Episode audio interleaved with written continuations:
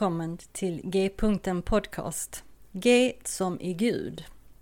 Jag heter Monica Albin och detta är en podcast för oss som är på en resa i tro och liv, i andlighet och allt som har med Gud att göra.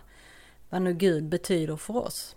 En öppen atmosfär där inga frågor och funderingar är dumma och där vi tillsammans ska få vidga vyerna. G-punkten betyder att Gud är mittpunkten, i centrum av samtalen och genomsyrar allt och alla. Och därifrån är vägarna öppna att fortsätta framåt och utforska nya vyer. Samtala de stora frågorna på ett vardagligt sätt hoppas jag att podcasten ska kunna erbjuda. Tack för att du vill vara med på den här resan. Så välkommen på resan mot G-punkten.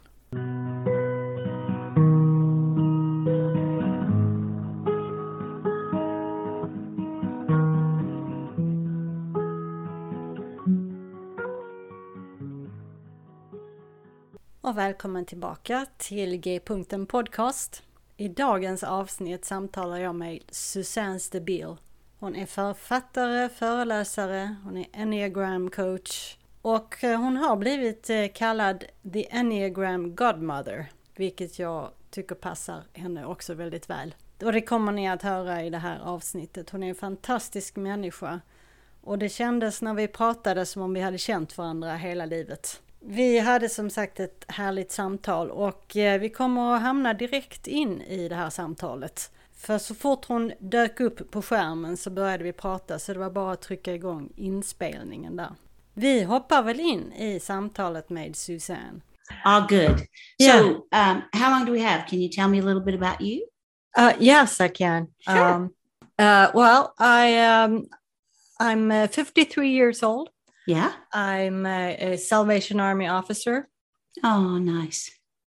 That's and, a good life, I would presume. Very hard, but good. Yeah, yeah. Right. Yeah. and I've been on a, a kind of a faith journey, you know, mm-hmm. for uh, quite a few years now. And I started this podcast just for people like me. Uh-huh. So I can uh, get to talk to different kinds of people who are also on faith journeys and where yeah. they end up and and you know and then um, i'm also a great enneagram fan mm-hmm. uh, i've um, listened to your podcasts since it started and also the road back to you before that mm-hmm. and and the enneagram isn't really a big thing in sweden at least not in in christian circles uh-huh. Uh, some therapists I know use it as a mm-hmm. tool, mm-hmm. but it's not like talked about within, uh, well, the Christian community as much. Mm-hmm. So mm-hmm. I kind of, um, I want to be a missionary there. And there you go. There you go. well, so you know, I had a conversation I, with uh, Chris Heuertz. Uh huh a few weeks ago and now i'm talking to you and uh, so i'm gonna i want to try to talk to different uh, enneagram teachers. Uh, ian cron hasn't answered my emails so i guess he's he lucked out. So he's a very c- complex person. Um, well let me let me tell you a few things uh, to give you lots of hope.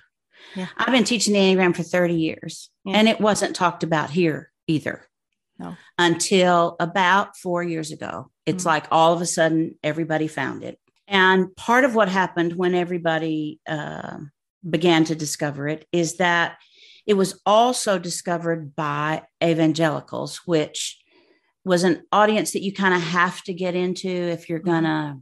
And so the way I broke into evangelical circles teaching the Enneagram was this way. Yeah um, evangelicals and more conservative Christians always want to know what's dangerous about the Enneagram. yeah. And I have always answered that with the only thing that's dangerous is if you take it to be more than it is. Yeah. It's yeah. just one great spiritual wisdom tool, but it's just one oh. and it's better with other tools.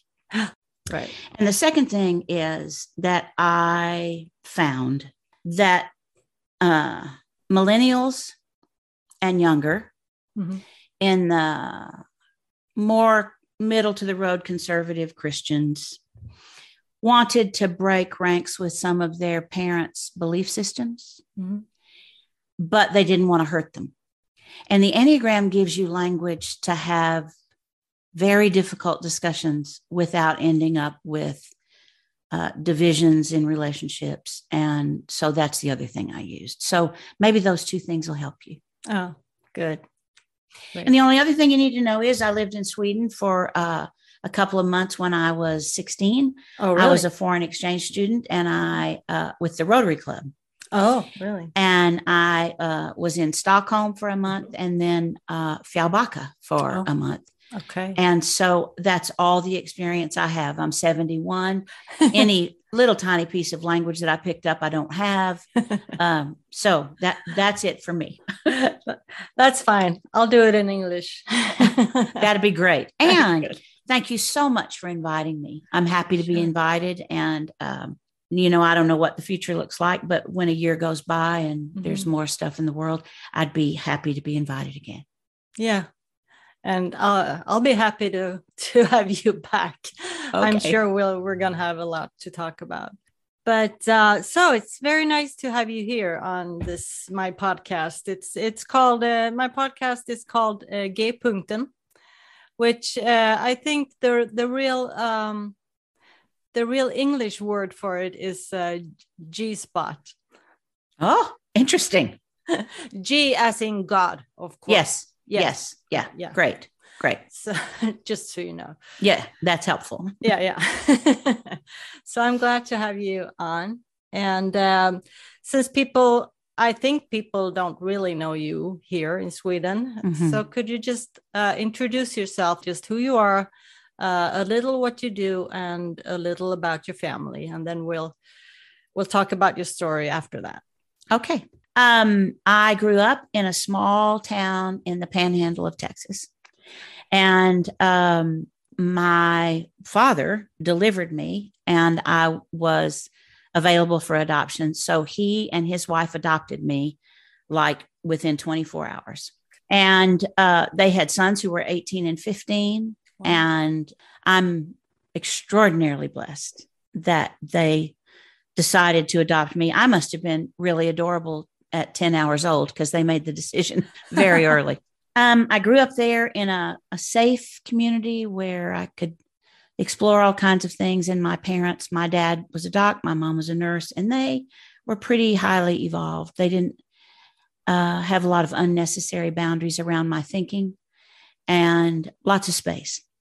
I went to SMU, um, Southern Methodist University, which is in Dallas. And then my life dream had always been to coach college basketball. And I was the first women's coach at SMU after Title IX, which was a big time for women's rights and uh, equal rights for female athletes. And so I did all that. And um, I taught theology in a Catholic high school for a while after that. And then um, I was in a marriage that was pretty tricky. A lot of people, I think, in the 60s married for wrong or unusual reasons because an awful lot of people my age divorced, and I did. And um, then I uh, started a nonprofit that helped elderly people who were hoping to stay in their homes be matched with somebody who would live with them and go ahead and live their lives, but check in on them and buy groceries for them and make sure they took their meds and all that. And um, while I was teaching theology in a Catholic high school, I became Catholic for 10 years. I had grown up United Methodist. A priest from my parish um, was doing some teaching all over the country and invited me to teach with him, and I did. And uh, then um, he decided to leave the priesthood, not for me, but uh, he did. And we got married, and uh, I, he and I had a fourth child. I had three, and he adopted my three, and we had a fourth, and we now have nine grandchildren. Oh. And uh, we sent all of our children away to college, and they all came back to the Dallas area. So our children and their spouses are here, and these nine kids. My husband Joe is the best human being I've ever met. I don't quite know how I get to do life with him, but I do. And I'm very thankful for that. And uh, after leaving the priesthood, he became a United Methodist pastor and he pastored in the Methodist church until age 72, you have to retire in the United Methodist Church. Um, but uh, he just went on staff at kind of the flagship church for the United Methodist Church. It's First United Methodist Church here in Dallas. Mm-hmm. And uh, he's now 74. And at 74 and 71, we're doing pretty good. It's good for us to have our kids and grandchildren around us. He's a nine on the Enneagram, mm-hmm. and I'm on a two. I'm a two. And we're kind of on a journey together, all and all of us in some ways. And um, so there are 19 of us, and we spend a lot of time together. Oh, wow. Um, you want to know how I started teaching the Enneagram? Or yeah, you want to well, uh, let, let's save that for now. Okay. I would you like to tell tell me a little about your childhood?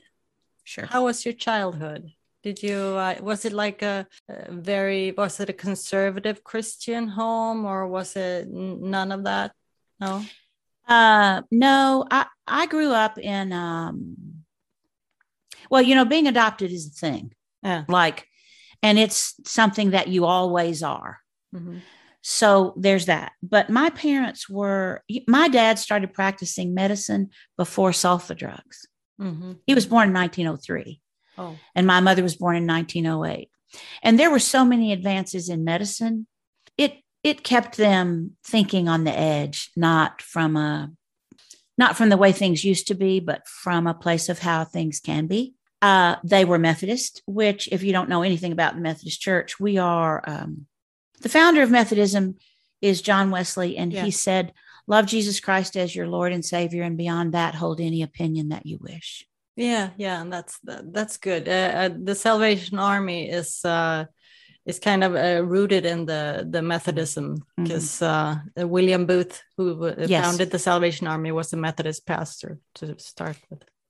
Yeah, so I had room to explore and think. I'm really thankful that I was a part of the Catholic Church for 10 years because I learned a lot there. Yeah. And I had a lot of experiences that I wouldn't have had otherwise. Mm. Um, and I'm comfortable being back in the United Methodist Church. So we, um, I think our goal would be more like Wesley's mm-hmm. to love God, uh, to love one another well, and to try to leave the world in a little bit better way than we found it. Mm-hmm. Yeah our priorities are pretty straight. We try really hard to have a good spiritual practice for our lives.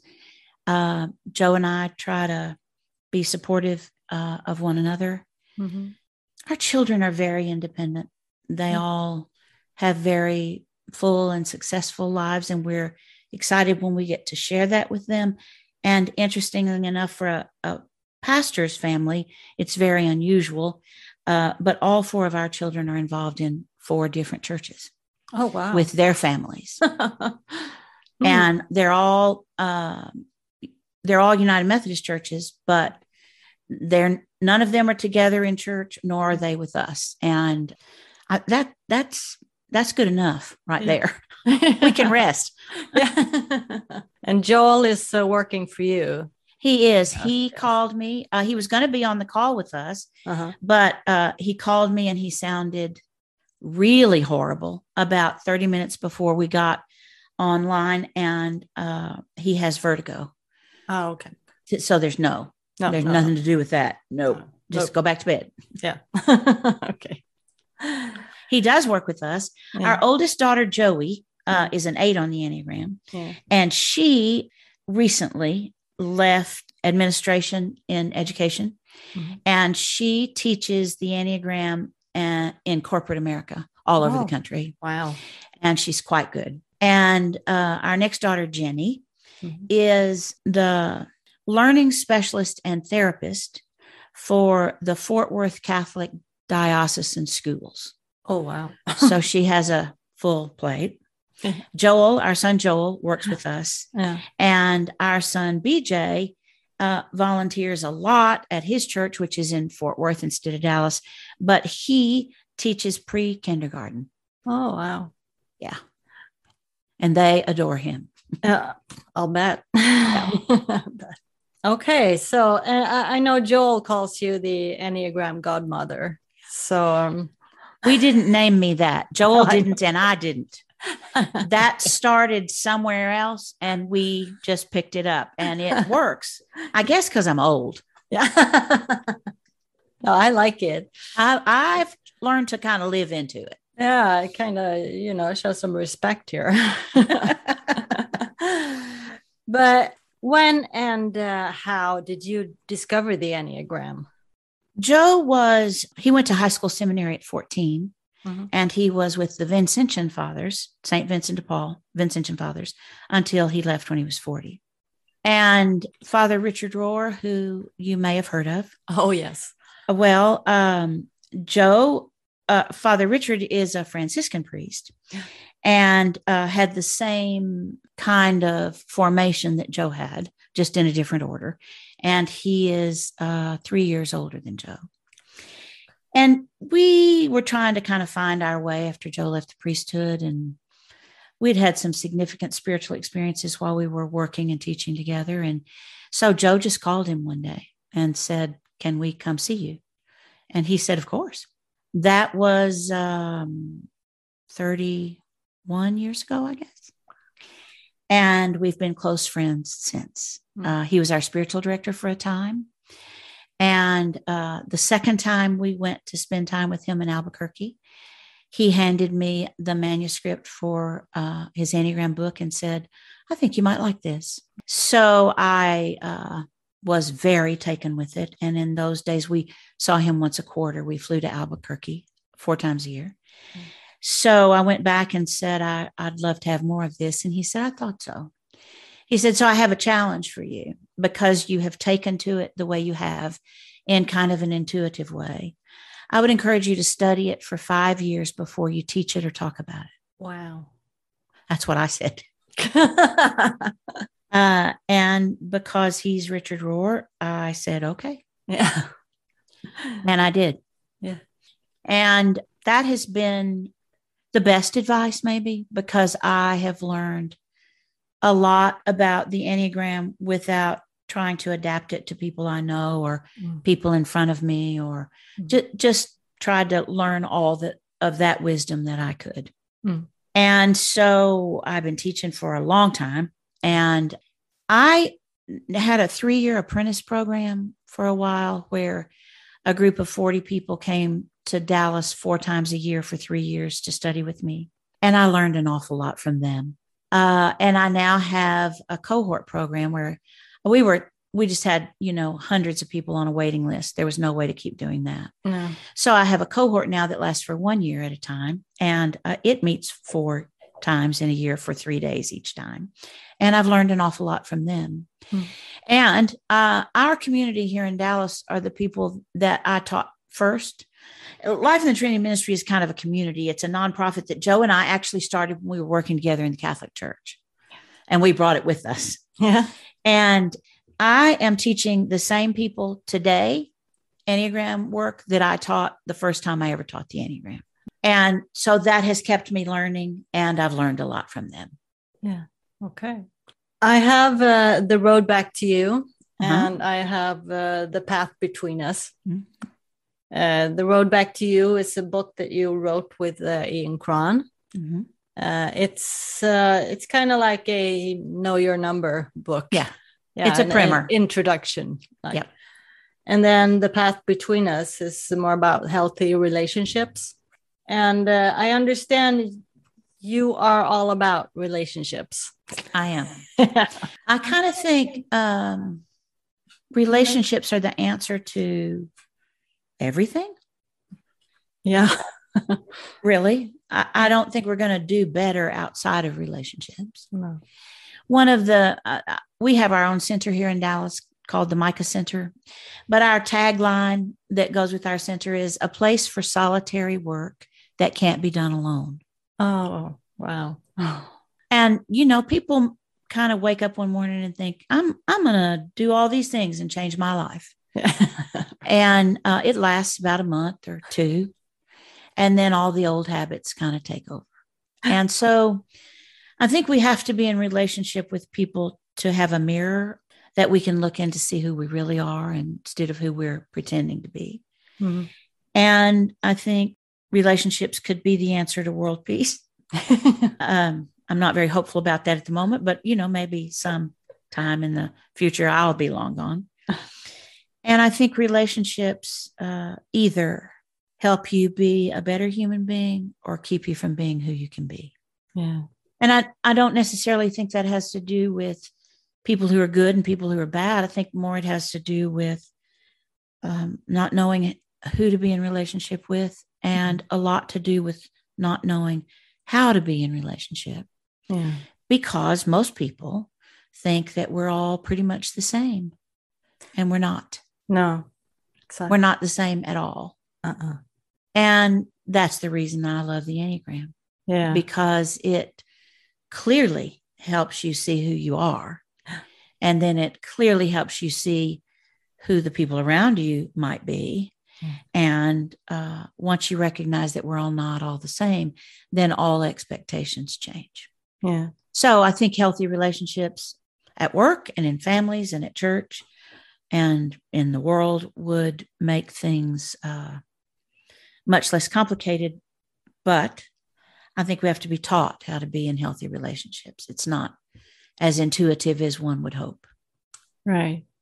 So when I uh, I'm talking to you now, maybe I can uh, get some help with my life. Sure, you can. Let's do it. Because I I I self-identify as an eight. Uh, oh, yes, a Very social strong. eight, a social Yeah. eight okay. with a pretty strong nine wing. hmm Uh, maybe my seven wing was stronger when I was younger, hmm but now uh, a lot more nine. Uh, I've been uh, at uh, well period long periods of times I have spent in my five space hmm uh, due to burnout and depression. But when I'm when I'm in a good place, I'm a, like a nice 2 Mhm. uh, I'm a lot softer now Mhm. when I'm a little older, but I can still put my foot down. And, you know, when there's something uh, that's not right, hmm sometimes people still see me as being a little too much. hmm And sometimes I say and do things that I regret. hmm Like it's it's my my eight does something that takes my nine wing forever to process. There you go. there you go. so that's uh that's kind of that's me and i'm i'm pretty sure my husband is a six Mm. Uh i think is a self-pres 6 Mhm. Phobic or counterphobic? uh count uh phobic Okay. yeah Wow. think he's a- Wow. So a phobic six that's self preserving is very different than a social eight. yeah yeah. no shit but we have been married for 31 years There you go. You're going to make it. yeah yeah i think so Huh. I think so, i, hope so i think his uh his wings are are pretty much um his his you know he's a funny guy so he's he, he doesn't like to stay in uh the the the difficult feelings Mhm. you know so he's Mhm. like a seven there you know jokes uh when Uh-huh. when it, when when the going gets tough he he he jokes about it Yes. yeah yeah yeah yeah so that that that's us Okay. and then we have uh still our son is still living at home he's 20 years old Uh huh. now uh he's four Oh, okay. uh i'm not sure i think he's a social four hmm um very very special very unique you know Yeah. Hmm. Yep. uh, it's yeah um but so he he still lives at home and and he and i have a, a very good relationship. We kind of we, we know each other uh, you know telepathically almost. Hmm hmm uh, he and his uh, father have not really been uh, on good terms always. Hmm it's better now. Yeah. but uh, uh, well they, they don't understand each other as as well as he and i do. Yeah, and we have two daughters uh, they don't live uh, with us and uh, Mhm. for the past five years one daughter is a nine i think Mhm. she's a self-pres nine and i'm pretty sure the other one is a 7 Mm-hmm. I'll, I'll be very surprised if she's not a seven so uh, that's our family so what do you um just just the the relationship between me and my husband what would you what Well, what would you say would be good for us? Okay. Let's start with the fact that you have in your family a six, seven, eight, nine, and a four. Yeah. So your son is the only person in the family who's feeling dominant. And it, it's difficult to be a male 4 mm-hmm. It's difficult to be the only person in a family who's feeling dominant. And my guess is that the reason you two understand each other is because fours and eights both really value the truth. Yeah. Not dressed up, just the truth. And fours and eights don't spend a lot of time wondering or worrying about what other people think about them. Right. Sixes and eights are, in some ways, as far apart as you can get on the Enneagram because of a six's relationship to fear and an eight's um, misguided thinking that they have no fear. so if I was teaching a group of 100 people and I said, everybody write down uh, an, an, introductory workshop, I said, everybody write down what you're afraid of, I would get back uh, some sheets that said, I'm not afraid of anything. And those are usually from eights. But the truth is, the truth is that you are afraid of being betrayed. Yeah. With the definition of betrayal being uh, something that I picked up working in the recovery community, actually. Um, betrayal, I think, for eights is being judged by other people prior to them knowing you. Yeah. And it's particularly hard for women. So, eight women tend to have a very strong self esteem, really great leadership qualities, really able to handle things quickly. And sixes struggle to trust themselves. They don't handle things quickly and they manage their own fear by imagining the worst thing that could happen and having a plan for dealing with that. So, your husband is also the only person in the house, in the family, in the whole family, that's worried about things that are not actually happening. okay. Sevens are fearful. They're in the fear triad with fives and sixes. So they're fearful, but their fear is more about uh, internal threats, mm-hmm. being stuck in pain, being stuck in a relationship you can't get out of, something like that. Six's fear has to do with external threats and all the things that could happen that keep us from being safe if we're not prepared for that. Eights have the most energy of all Enneagram numbers.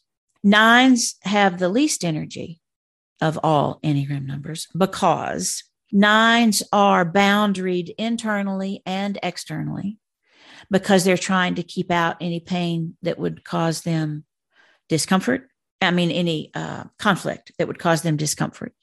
And they're trying to keep in anything that would cause pain. So they're kind of tired and they're peacemakers and they can kind of merge. So that person in your family system mm-hmm. has a better chance of getting along with everybody in mm-hmm. relationship to the Enneagram. Eights are, are you aware of the work of Nadia Bolz-Weber? Have you read her? Yeah, yeah, yeah. Well, Nadia is a good friend of mine, and yeah. I had her on my podcast when she turned 50. Yeah. I remember. Right. And I said to her, What have you what are you learning from the Enneagram at 50? And she said, I'm learning about all of the damage that's in the wake of my eightness. Yeah. Right. And I always say to people when I'm teaching the Enneagram basic courses is that you need to be clear an eight would never hurt you on purpose. That that they don't think about you enough to hurt you on purpose, frankly because their orientation of time is to the future and they're all about all about that. Hmm. I would suggest that y'all are kind of locked in a system too where ones, twos, and sixes orientation to time is the present moment. So only your husband has that orientation to time. Mm. You and your daughter, who are a seven, your orientation to time is the future. Mm-hmm. And your son and your daughter, who's a nine, orientation of time is the past. Okay. And that gets to be very problematic in terms of trying to resolve things within a family. Mm-hmm. Orientation means that you're kind of tethered to that. So sevens and eights aren't thinking about what's happening right now. They already thought that through and they've gone on to the next thing. yeah. And fours and nines are still ruminating on things that happened back there. Mm. And that leaves your husband as a six in the spot of we got to deal with what's happening right now. And he's the only one, mm. which is kind of a disconnect between him and the others. Mm. One of the problems I think for eights is that um, people want you to stop being an eight until they want you to be an eight. Yeah. right. Right. And then they want you to do all the things that they've told you they don't like. Yeah. And you trust yourself without hesitation. Yeah. And sixes don't. Right. And because they doubt themselves, they intuitively doubt other people too. Hmm. And I'm sure that he always feels like you're going too fast. And I'm sure that you all you always feel like he's moving too slow.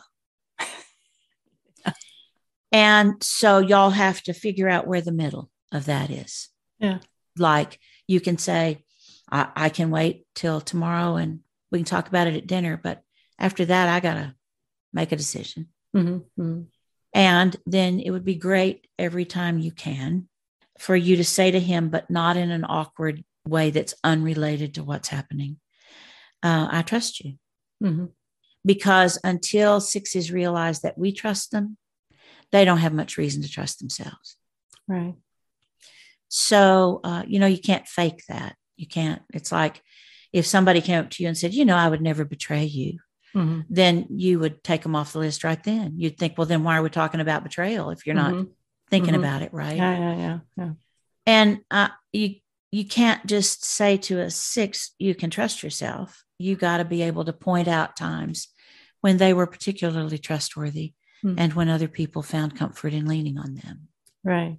Right. One of the things I would hope that you're mindful of, not everybody teaches this, I do, and it's in my new book.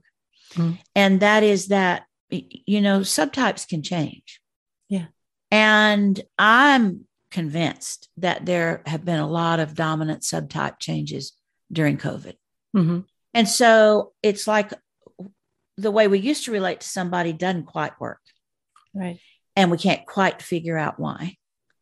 And I think it's because of moves on the Enneagram. Yeah. Yeah. The other thing that's in my new book that other people don't teach, except people I trained, is that you don't have to go to the low side of your stress number. Right. Right. When you move to stress, you can you can learn mm-hmm. to choose the high side of mm-hmm. your stress number. So I move to your number in stress. Yeah. And it doesn't help me if I'm an unhealthy two to go to unhealthy eight space. no. Right? Right. I got to choose healthy things about your number that I need to incorporate into my life. Uh-huh. So, an easy example is it's very difficult for me to say no. Yeah. Not a problem for you. When things aren't yours to do, you just say no. Mm-hmm. That's not mine to do, or no, I don't want to, or no. Mm-hmm. And I have really learned a lot from the ability of your number to do that. And I think if I hadn't, honestly, I don't think I'd still be teaching because I think I'd be all used up. Yeah. So while I uh, believe there are gifts all around the Enneagram for all of us, and I believe we all act like other numbers sometimes, I think the lines that connect us on the Enneagram are where the most important work is. Yeah. And um, the other thing that we haven't talked about at all that I, I also did a, a lot of work with in my third book is that we are all dominant in one feeling uh, or one center of intelligence. Another center of intelligence supports the dominant, and the third is repressed. Mm-hmm. So, a little tiny piece of history is that uh, in the 1940s, Gurdjieff had kind of revived the Enneagram, and a guy named Maurice Nicoll was writing and studying people in England, and he wrote a paper about centers of intelligence. And he said, at, at the end of the day, there are only three centers of intelligence, and they are thinking, feeling, and doing. Mm-hmm. And he went on to say, we respond to life first with one of the three. And at the same time, in the mid 1940s, uh, a woman named Karen Horney, yeah. who was a German American, did some writing about the fact that all people either move toward other people, away from other people, or against other people. And if you lay Maurice Nicoll's work on top of the Enneagram, then you find out that twos, threes, and fours take in information with feelings. Five, sixes, and sevens first use thinking, and eights, nines, and ones first respond with doing. Yeah. But if you lay Karen Horney's work on top of Maurice Nicoll's work, on top of the Enneagram, then you, what you find is that in each of those three triads that I just described two, yeah. three, four, feeling triad, five, six, seven, thinking triad, eight, nine, one, doing triad. If you put Karen Horney's work on top of that, then in each triad, there is one number that moves toward people, one number that moves away from people, and one number that moves against people. So when things fit like that, one can assume that it, there is a deep truth in all 3 uh-huh. Otherwise, there would be uh, something that didn't fit somewhere. Mm-hmm. Having taught that work for a while, I've changed Karen Horney's language, but not her intent, because I don't think the numbers that are feeling repressed, which are threes, sevens, and eights, I, I, don't think they stand against other people. I think they stand independently. Mm-hmm, mm-hmm. And it feels to other people like they're standing against them. Right. So after we've done triads, which we just went through quickly, then in terms of dividing up the three numbers in each triad, ones, twos, and sixes are in what is called the dependent stance. And for all three of them, their orientation of time is outside of themselves. Mm. But they are all thinking repressed, which just means they don't think productively. Mm. Ones count inner dialogue with that inner voice that they have as thinking, and that's not thinking. Mm. Twos think about relationships most of the time, and there are a lot of other things that need to be thought about. Mm. And sixes use the thinking center for uh, imagining and solving worst case scenarios, which is also a misuse of the thinking center. Mm-hmm.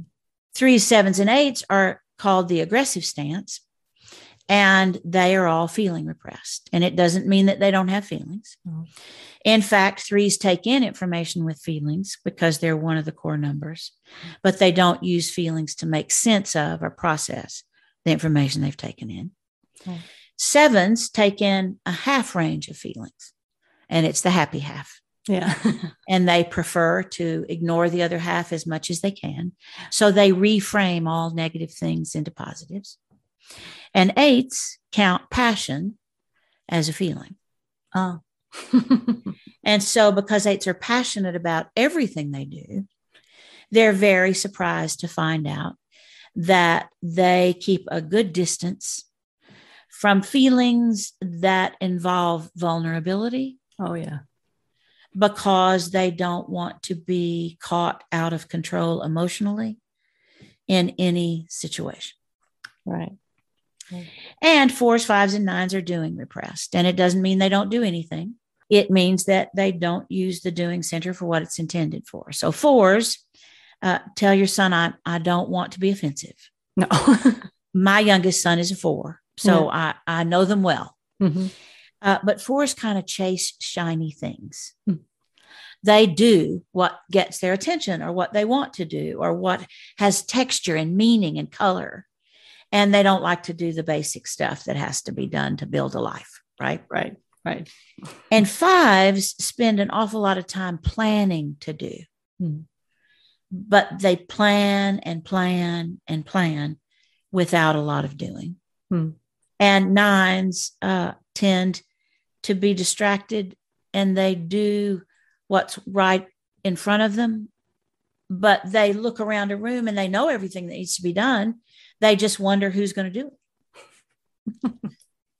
So um, i think people have to be sure they know their number first. Yeah. Second they have to learn triads. And that means they've got to know which of the three feeling, thinking, or doing triads they belong to and how that works. And then they're ready, I think, to learn about stances, which are determined by which feeling is repressed. Mm-hmm. And then I think it's time to add subtypes. Yeah. And it's difficult to get people to learn things in that order. And it's difficult to get people to learn things well before they move to the next thing because the Enneagram is so intuitive and inviting and it explains so much. Mm-hmm. But there really aren't a lot of shortcuts if you want to know it on a deep, meaningful level.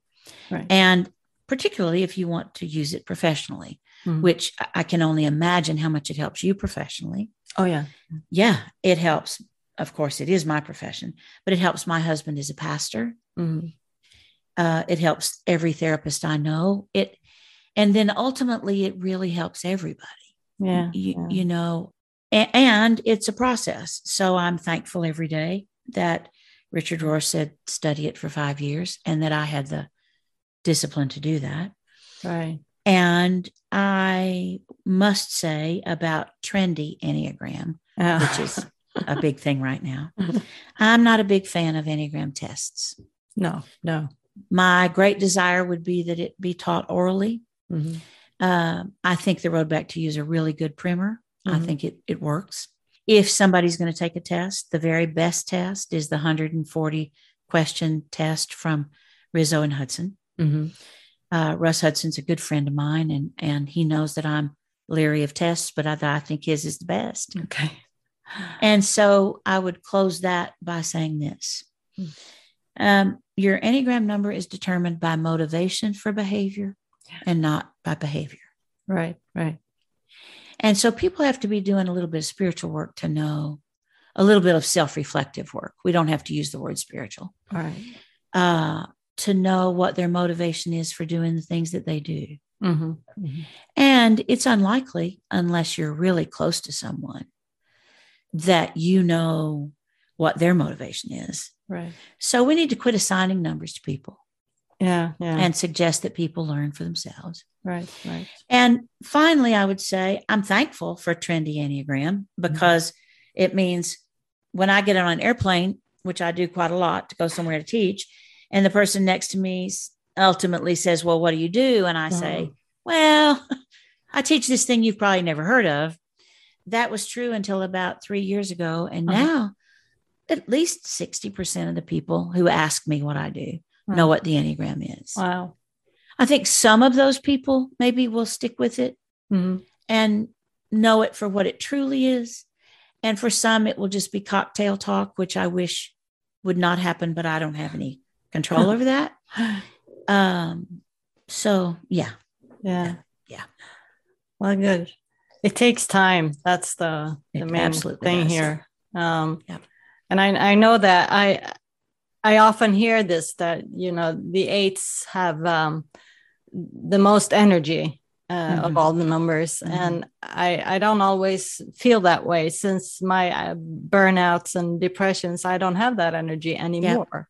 I Yeah. used to, but I don't anymore. So it's like, uh, okay, well, in here, in here, I do. But Yes. my body says no. So- well, and you know, I I think with the demanding work that you do, Mhm. I certainly don't want this to be offensive, but I think part of that's aging, yeah, yeah, yeah, yeah. right? And so I still think that. So this is what's really important. Uh-huh. You still think faster than anybody else does. Yeah, yeah. You Yeah. process what information you take in faster than anybody else does. Mhm. And you have a plan faster than anybody else does. Mhm. Mhm. So, really, you just don't have the energy to implement the plan by yourself anymore. Right, right. But it, you're still ahead of the rest of us in terms Right. of thinking about things and knowing what to do and Uh-huh. solving problems before they happen, Right. which is a really great gift that you have. oh, yeah. Oh, thank you for that. Oh, Yeah. mm. Okay, well, thanks for the free therapy session. Uh, Okay, I've got one more therapy moment since we ended up, I ended up saying that. Yeah. So let me say this you and your husband have to find a way for him to respect the fact that you are able to look at a situation and solve the likely problems before they happen. Mhm. And you're going to have to respect that he has to ask lots of questions and think through lots of things Mhm. to see the same solution that you see. Yeah, exactly. Yep.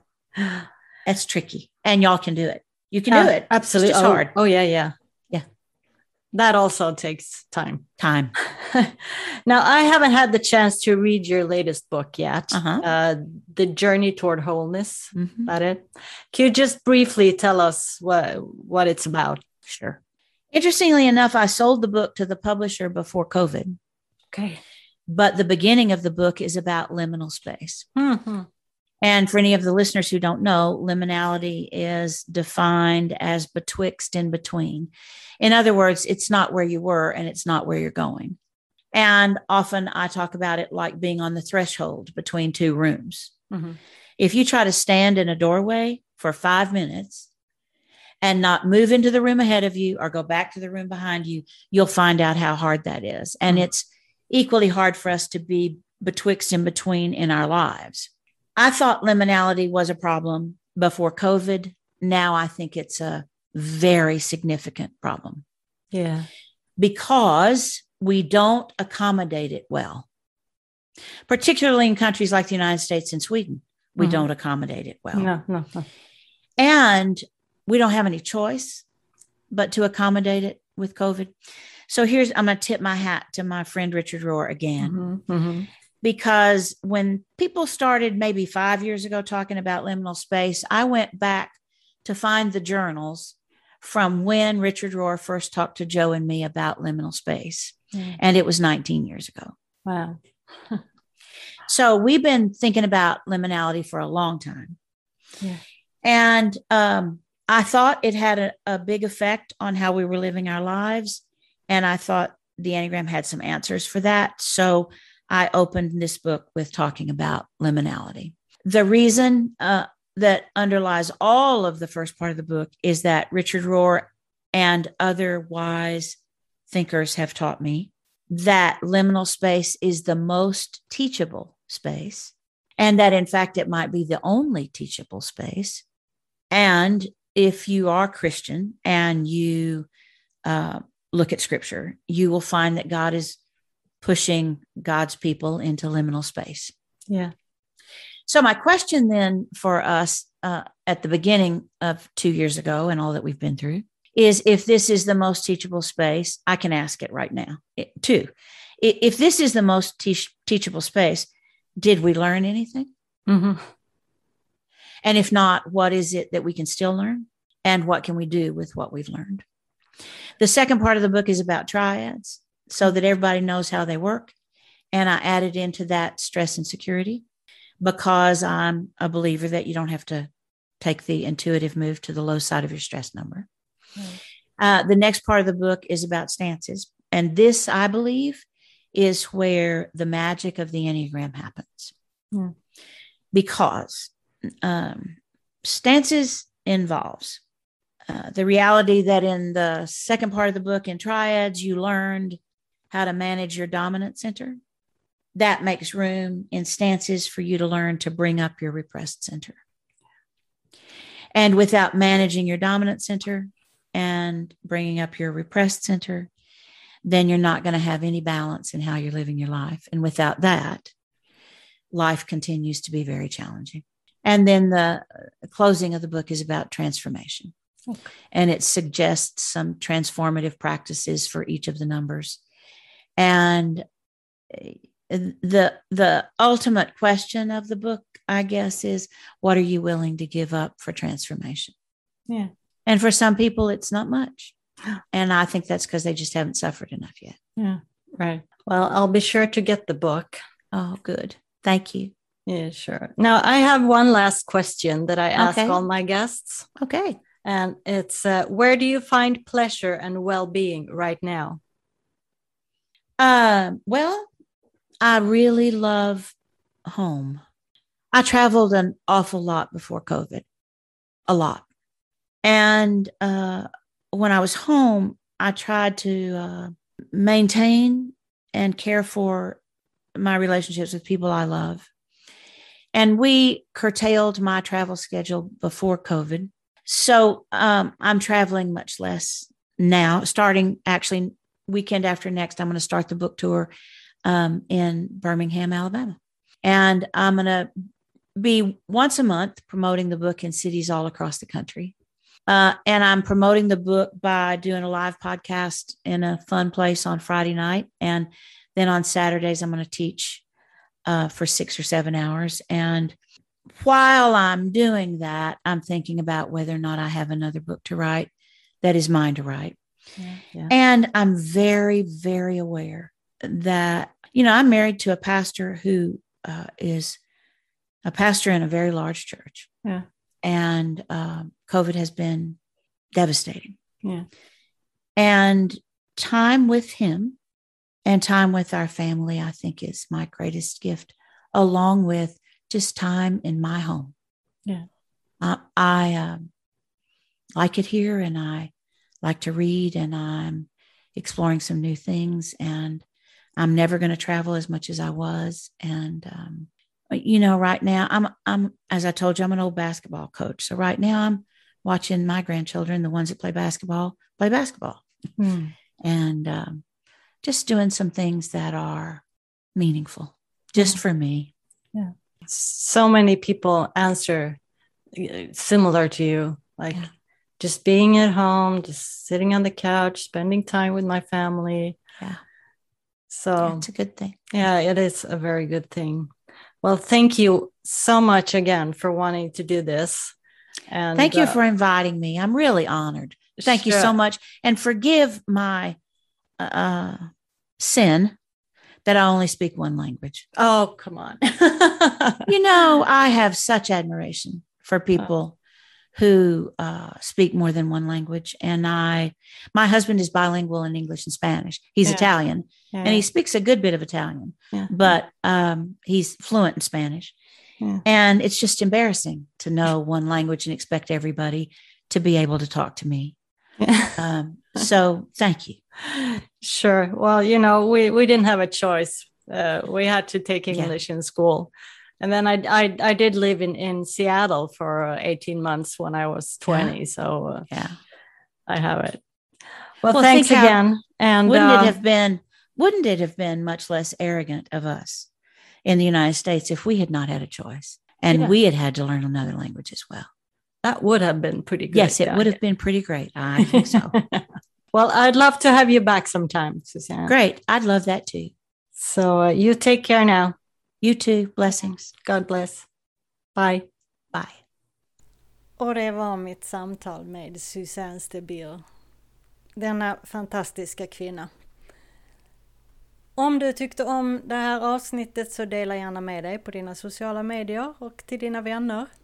Kommentera på eh, Facebook-sidan och eh, på bloggen. Jag lägger några länkar i avsnittsbeskrivningen och även då på, på bloggen. Så kan ni själva leta vidare om det är någonting som var intressant. Och idag så vill jag avsluta med att läsa någonting som heter Tid. Jag önskar dig tid, gott om tid, den goda tiden. Om vi jämt jagar, räknar timmar och minuter kan inte tiden komma oss till mötes och ge oss unika ögonblick och gyllene tillfällen. Pulsen är A och O. Rytmen anger takten. Allt har sin tid. Så sköt om er så hörs vi igen nästa vecka. Hej då!